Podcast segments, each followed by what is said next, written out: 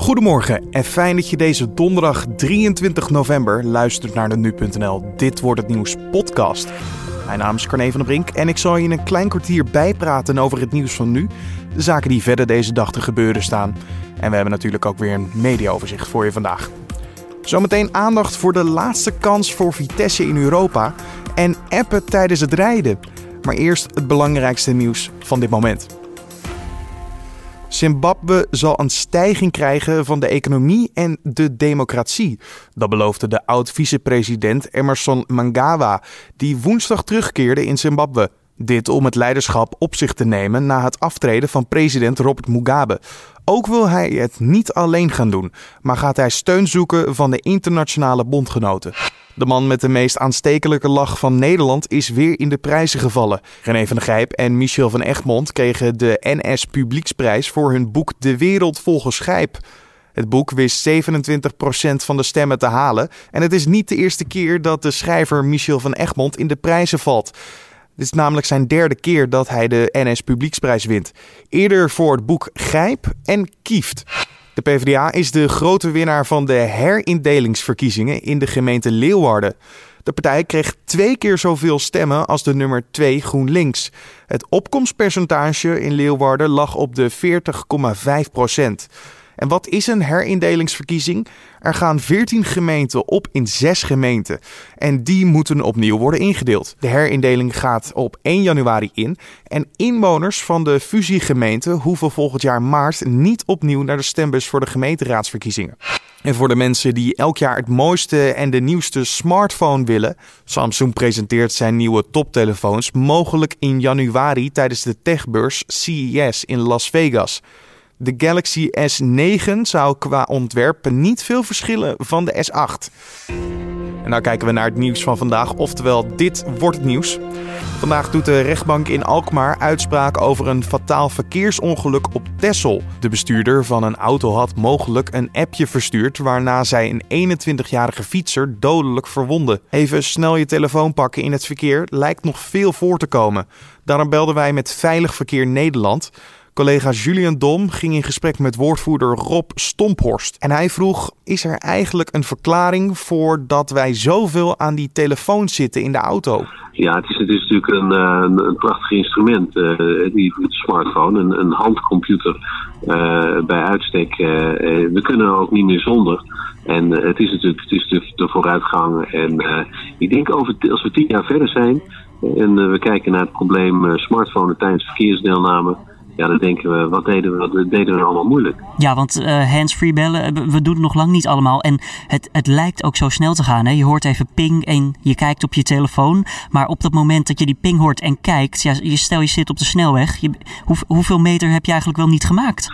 Ja, dat, dat, eigenlijk leg je in een hele korte tijd, uh, uh, als, je, als je 100 of 120 rijdt, uh, als je, stel dat je 100 rijdt op, de, op snelweg, je kijkt op je telefoon op dat moment, uh, dan, dan, dan ja, binnen de kortste keren ben je, ben je een stuk of zes voetbalvelden voorbij.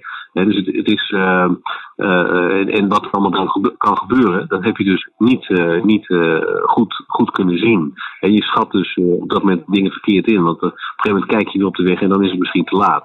of dan zit je al ergens tegenaan. Ja, en, en dan ben je dus ook een gevaar voor anderen vooral. Ja, voor, ja voor, voor, vooral dat. Hè. Natuurlijk voor jezelf uh, zeker, maar, maar zeker ook voor andere, andere verkeersdeelnemers. je kunt, uh, je kunt mensen gewoon wat aandoen door uh, ja, heel bewust op die je bent er bewust mee bezig hè, met die telefoon. Je doet dat niet. Hè, dat, gaat, dat doe je gewoon heel bewust. En de kunst is om dat, om dat eigenlijk tijdens verkeersdeelname uit je hoofd te laten.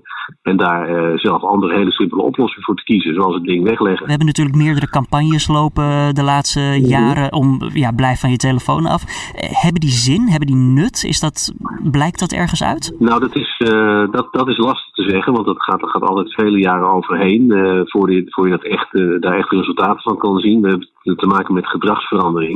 Mm -hmm. En als je kijkt naar alcohol en verkeer, dat is ook zoiets wat je heel bewust ook uit je hoofd kan zetten. Niet doen, die combinatie gewoon laten. Uh, alcohol en verkeer gaat niet samen. dat zeiden we heel in het begin. Ja. Uh, uh, we hadden uh, in de jaren zeventig een campagne, glaasje op laat je rijden. de wet werd ingevoerd, weet, je, weet je, weet je. En tussen die tijd en nu, er zit 47 jaar, en nu is het inderdaad heel gewoon om in een bar een, uh, een glaasje sinaasappelsap tussen je vrienden te drinken in plaats van een, een colaatje, in plaats van een, een, een, pilsje. Ja. dus dat, dat, dat is die, die, die, die, sociale norm die is verschoven, maar er is wel een lange tijd overheen gegaan. Ja, we, we hebben natuurlijk ook, nog even het bucklerpilsje gehad, wat belachelijk werd gemaakt. Maar ja, wat je zegt, op dit moment is het normaal om een alcoholvrij biertje bijvoorbeeld te bestellen of een colaatje. Ja, of, ja, ja, is helemaal niks mis mee. En het, uh, dat, dat krijg je natuurlijk op een gegeven moment met dat smartphone. Is de sociale norm, dat merken we nu, al aan het verschuiven. Omdat mensen ook al aangeven, uh, ja, het is toch met je telefoon in je oor, is bij wet verboden. Ja, een beetje loser gedrag als je dat toch doet. Ja. Dat merk je ook aan, als je om je heen kijkt. Dat, hoe, mensen, hoe mensen daar naar elkaar op reageren. Ehm, en, en het is natuurlijk ook verboden. Dus dat is juist goed om dat soort dingen te verbieden. Ja, want als je kijkt naar de impact uh, uh, bellen met de telefoon in je hand of bellen hands-free, het is net zo gevaarlijk. We hebben een lijst van 27 maatregelen opgeschreven. 27? Die bedrijven, 27 stuks, gewoon ideeën okay. die je kan doen om het anders te doen. Want je, je, kunt, je kunt hem natuurlijk wegleggen in je tas stoppen, hè, je tas achterin. Mm -hmm. Maar dan denk je misschien, ik heb hem ook nodig als navigatiesysteem voor ja. mijn auto. Dus ik, eh, nou, maar als je dat van tevoren aanzet, die navigatie, en je wil ook nog een beetje muziek van je Spotify-lijstje, dan zet je die twee dingen aan en dan rij je weg. Uh, dat doe je allemaal voordat je wegrijdt natuurlijk. En dan blijft hij het ook uh, gewoon uh, tijdens de rit doen. Mm -hmm. En dan, dan, dan, dan je hebt ook nog allerlei systemen, natuurlijk allerlei apps die we ook in die 27 maatregelen hebben opgenomen. Ja. die ook jou helpen om mensen die jou proberen te bereiken, telefonisch, die dan een berichtje krijgen. Ik ben even onderweg, bel je straks terug geeft ook een gerust gevoel. Is er iets te zeggen over hoeveel ongelukken er nou jaarlijks zijn door mobiel gebruik? Um, we kunnen wel afleiden uit onderzoek van de wetenschappelijk onderzoek verkeersveiligheid dat er uh, tussen uh, of enkele tientallen doden uh, te betreuren zijn als rechtstreeks gevolg van smartphonegebruik en enkele honderden gewonden, ernstige gewonden als gevolg daarvan. dus dat geeft al aan hoe, hoe, hoe groot de marge er is. Wij denken dat er meer aan de hand is, maar dat kunnen we niet staven omdat we geen gegevens hebben. Ja. ja dus het, uh, die, die getallen die, die worden natuurlijk door iedere journalist gevraagd en terecht. Maar uh, in, de, in de hele procedure van het, uh, het optekenen van ongevalsoorzaken is het niet altijd helemaal duidelijk. Je hoorde Rob Stomphorst van Veilig Verkeer Nederland. En mocht je deze podcast nu beluisteren in de auto, fijn dat je dat doet, maar hou wel altijd je ogen op de weg. Vanavond speelt Vitesse tegen Lazio in de Europa League. De bekerwinnaar van afgelopen seizoen hoopt in Rome, waar het gesteund wordt door 1500 supporters, de eerste overwinning te boeken in het Europese seizoen. Nu sportredacteur Robert Prins sprak hierover met collega Bart van Dooyenweert en vroeg hem hoeveel kans Vitesse nog maakt om te overwinteren in Europa. Uh, nou, bijna nul eigenlijk. Uh, Vitesse heeft pas één punt in de eerste vier wedstrijden. Lazio heeft er al twaalf, alles gewonnen tot nu toe. En uh, ja, Vitesse, zelfs als ze hun laatste twee wedstrijden gaan winnen in de groep, dan hebben ze het nog niet in eigen hand. Want de twee andere ploegen in de pool, Zulte Waregem en Nice, als die een van hun twee laatste wedstrijden winnen, is Vitesse al uitgeschakeld. Dus eigenlijk uh, is de kans gewoon bijna nul dat Vitesse het nog haalt. Ja, dus na Feyenoord gaat ook Vitesse gewoon uit Europa? Ja, ja, daar lijkt het wel op eigenlijk. Um, de Nederlandse clubs hebben dit seizoen in Europa uh, 19 wedstrijden gespeeld in totaal. En daarvan hebben ze er precies twee gewonnen was in beide gevallen FC Utrecht één keer tegen Valletta, een ploeg uit Malta. En één keer, uh, dat was wel heel knap, van uh, Zenit Sint-Petersburg. Maar voor de rest af en toe gelijk spelletje en heel veel verloren. Dus het gaat ja, eigenlijk gewoon echt super slecht met Nederlandse clubs in Europa. Ja, dus dan krijgen we geen enkele Nederlandse club uh, na januari in de, in de Europa League of in de Champions League. Hoe uniek is dat nou? Um, nou, het is heel bijzonder, maar niet, uh, niet echt uniek. Uh, in het seizoen 1998, 1999, uh, ja, nog voor de invoering van de euro eigenlijk, was dat voor het laatst. toen hadden we PSV en Ajax in de Champions League die het niet redden. De Europa Cup 2 die bestond toen nog, daar speelde Heerenveen in, ook niet gered. En in de UEFA Cup, zoals de Europa League toen nog heette, hadden we Feyenoord, ook Vitesse en Willem II die ook niet, niet overwinterden. Um, ja, dus eigenlijk voor het eerst sinds bijna 20 jaar uh, dreigt het nu weer te gaan gebeuren. En ja, we hebben natuurlijk ook de uitschakeling van Nederland zelf gehad uh, op weg naar het WK in Rusland. Dus ja, we kunnen wel echt zeggen dat we er beroerd voorstaan met Nederlands voetbal nu. Uh, ja, is dat een incident of is dat echt een trend? Is dan ook wat veel mensen zich afvragen. We hebben vorig seizoen nog gezien natuurlijk het Ajax de finale van de Europa League heeft gehaald. je kunt van Vitesse en ook van Feyenoord wel zeggen dat ze best een zware loting hadden. Dus ja, het is ook weer niet zo zo dramatisch als je misschien zou denken. Maar ja, we hebben wel echt een probleem in Nederland, dat is wel duidelijk. Ja, vanavond speelt Vitesse dus uh, in Rome tegen Lazio. Uh, hoe staat de ploeg uit Arnhem ervoor? Ja, uh, ook niet zo goed eigenlijk. Ja, het blijft een beetje een negatief verhaal zo. Maar ja, ook Vitesse is gewoon niet goed in vorm. Um, ze hebben dit seizoen heel knap van Ajax gewonnen. Uit in de arena met 1-2. Uh, dat was eind september, 24 september. En sindsdien hebben ze eigenlijk nog maar één wedstrijd gewonnen. In dus bijna twee maanden tijd. Uh, uit tegen Herenveen was dat. Voor de rest een hoop gelijk. Ook veel verloren. In Europa dus drie keer niet weten te winnen. In de Eredivisie zes keer niet weten te winnen. Um, ja, afgelopen zondag speelden ze tegen Groningen, ook een ploeg die niet goed draait. En uh, ze begonnen wel goed, uh, kwamen 1-0 voor. Uh, en toen die bizarre eigen doelpunt, je hebt het waarschijnlijk wel gezien, van Fankati Dabo, die hem echt van, van 30, 40 meter over zijn eigen keeper heen schiet. En daarna waren ze ook meteen helemaal verslag en verliezen die wedstrijd zomaar met 4-2. Dus ja, ook Vitesse staat er echt niet goed voor op dit moment. Ja, heeft die wedstrijd tegen FC Groningen nog gevolgen voor de wedstrijd in Rome? Um, ja, daar lijkt het wel op. Uh, de verwachting is wel dat Henk Vrezer, de trainer van Vitesse, zijn team gaat omgooien. Dabo die, uh, die is zijn basisplek kwijt. Op zijn plek gaat waarschijnlijk de 19-jarige Julian Lelyveld uh, spelen. Een talent uit de eigen opleiding die dit seizoen pas 20 minuten gespeeld heeft. Dus wel interessant om te zien hoe hij het gaat doen.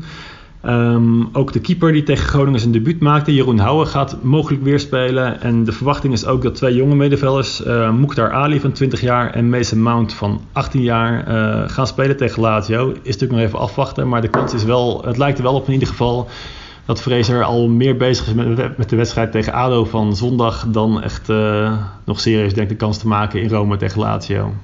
Ja, dus eigenlijk wordt het voor Lazio een, een makkie. Ja, hangt er vanaf. Maar uh, ja, in Arnhem eerder dit seizoen uh, werd het 2-3 voor Lazio. Toen speelde Lazio ook een beetje met een B-team. Misschien doen ze dat vanavond ook weer. Ja, toen kwam Vitesse wel twee keer voorsprong. Maakte ze echt een goede wedstrijd van. En uiteindelijk net uh, 3-2 voor Lazio. Ja, Lazio is al zeker van de overwintering in Europa. spelen alleen nog voor de groepswinst. Dus ja, het is ook maar even afwachten hoe serieus zij de wedstrijd gaan nemen. De wedstrijd Lazio-Vitesse begint vanavond om 7 uur en wordt uitgezonden op RTL 7. En dit gebeurt er verder vandaag nog. De 24-jarige Wouter B. krijgt vandaag te horen of hij een straf krijgt voor het mishandelen van een aspirant-lid van studentenkorps Vindicat in Groningen. Eerder eiste het Openbaar Ministerie een taakstraf van 180 uur. Daarnaast eiste het OM een celstraf van 91 dagen, waarvan 90 voorwaardelijk. B stond tijdens de ontgroening in 2016 op het hoofd van een 19-jarige aspirantlid, die daardoor een zwelling van de hersenen opliep. Dan kijken we naar wat onze collega's vandaag gaan schrijven. De Nederlandse overheid moet bij subsidies voor muziek meer oog krijgen voor populaire genres als pop, dance, urban en het Nederlandse lied. Ook moet er meer aandacht komen voor de regio, meldt de Volkskrant op basis van het zogeheten sectoradvies muziek, wat de Raad voor Cultuur vandaag uitbrengt. Op basis van het advies kan worden geconcludeerd dat de Nederlandse gesubsidieerde muzieksector zich op kan maken voor een grote verandering. De tijd lijkt voorbij dat het geld vooral vloeit naar klassieke muziek, opera, moderne muziek en jazz.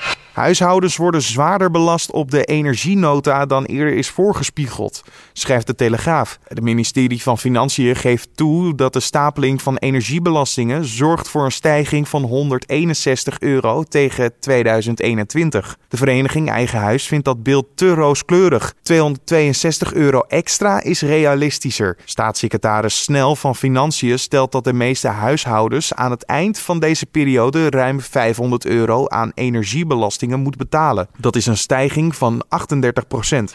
Het AD roept samen met een groot aantal bekende Nederlanders op tot een Sinterklaasbestand. De krant wil zolang Sinterklaas in het land is geen discussie over het feest. Als we nu eens samen afspreken elkaar niet te bestoken vanaf het moment dat Sint voet op de Nederlandse bodem zet, tot de dag na zijn vertrek? Dat is het enige wat we vragen: een Sinterklaasbestand. Dat schrijft de hoofdredacteur Hans Nijhuis op de voorpagina van de krant. We gunnen de kinderen allemaal de magie van 5 december, zegt premier Mark Rutte. Het is gruwelijk dat het feest er zo tot door wordt getekend, vindt bekende van Sinterklaas Bram van der Vlucht. De BN'ers zijn in ieder geval met elkaar eens: laten we feest vieren. En dan nog even het weer. De zonnestralen van gisteren zijn maar van korte duur geweest. Vandaag wordt het overal bewolkt, gaat het regenen en zal het vooral heel hard waaien. Boven land wordt de wind vrij krachtig en aan zee op het IJsselmeer hard tot stormachtig. Met zo'n 12 tot 15 graden blijft het zacht. En dan nog dit. In de Verenigde Staten wordt vandaag Thanksgiving gevierd. Thanksgiving Day is traditioneel de dag waarop dank wordt gezegd voor de oogst en andere goede dingen. Het is vooral eigenlijk een familiereunie. Want de Amerikanen leggen grote afstanden af om samen te zijn met familie. En een traditioneel Thanksgiving Day diner te nuttigen. Want dat is kalkoen. Het is sinds president John F. Kennedy de gewoonte dat de president gratie verleent aan een levende kalkoen, de nationale Thanksgiving Turkey. Ook Donald Trump, de huidige president, heeft het leven van een kalkoen gespaard. Alleen kreeg hij wel een hele bijzondere naam. Die van Drumstick. Drumstick, you are hereby pardoned. Dit was dan de Dit Wordt Het Nieuws podcast voor deze donderdag 23 november. De Dit Wordt Het Nieuws podcast is elke maandag tot en met vrijdag te vinden op nu.nl om 6 uur ochtends. Je kan altijd een recensie achterlaten op iTunes, uh, een cijfer geven van 1 tot 5. Daarmee help je ons weer ook beter te vinden voor anderen namelijk. Dus als je dat zou willen doen en onze podcast weer verder weten te helpen, dan zouden we het heel erg waarderen. We wensen je een mooie dag, zoals altijd. En tot morgen.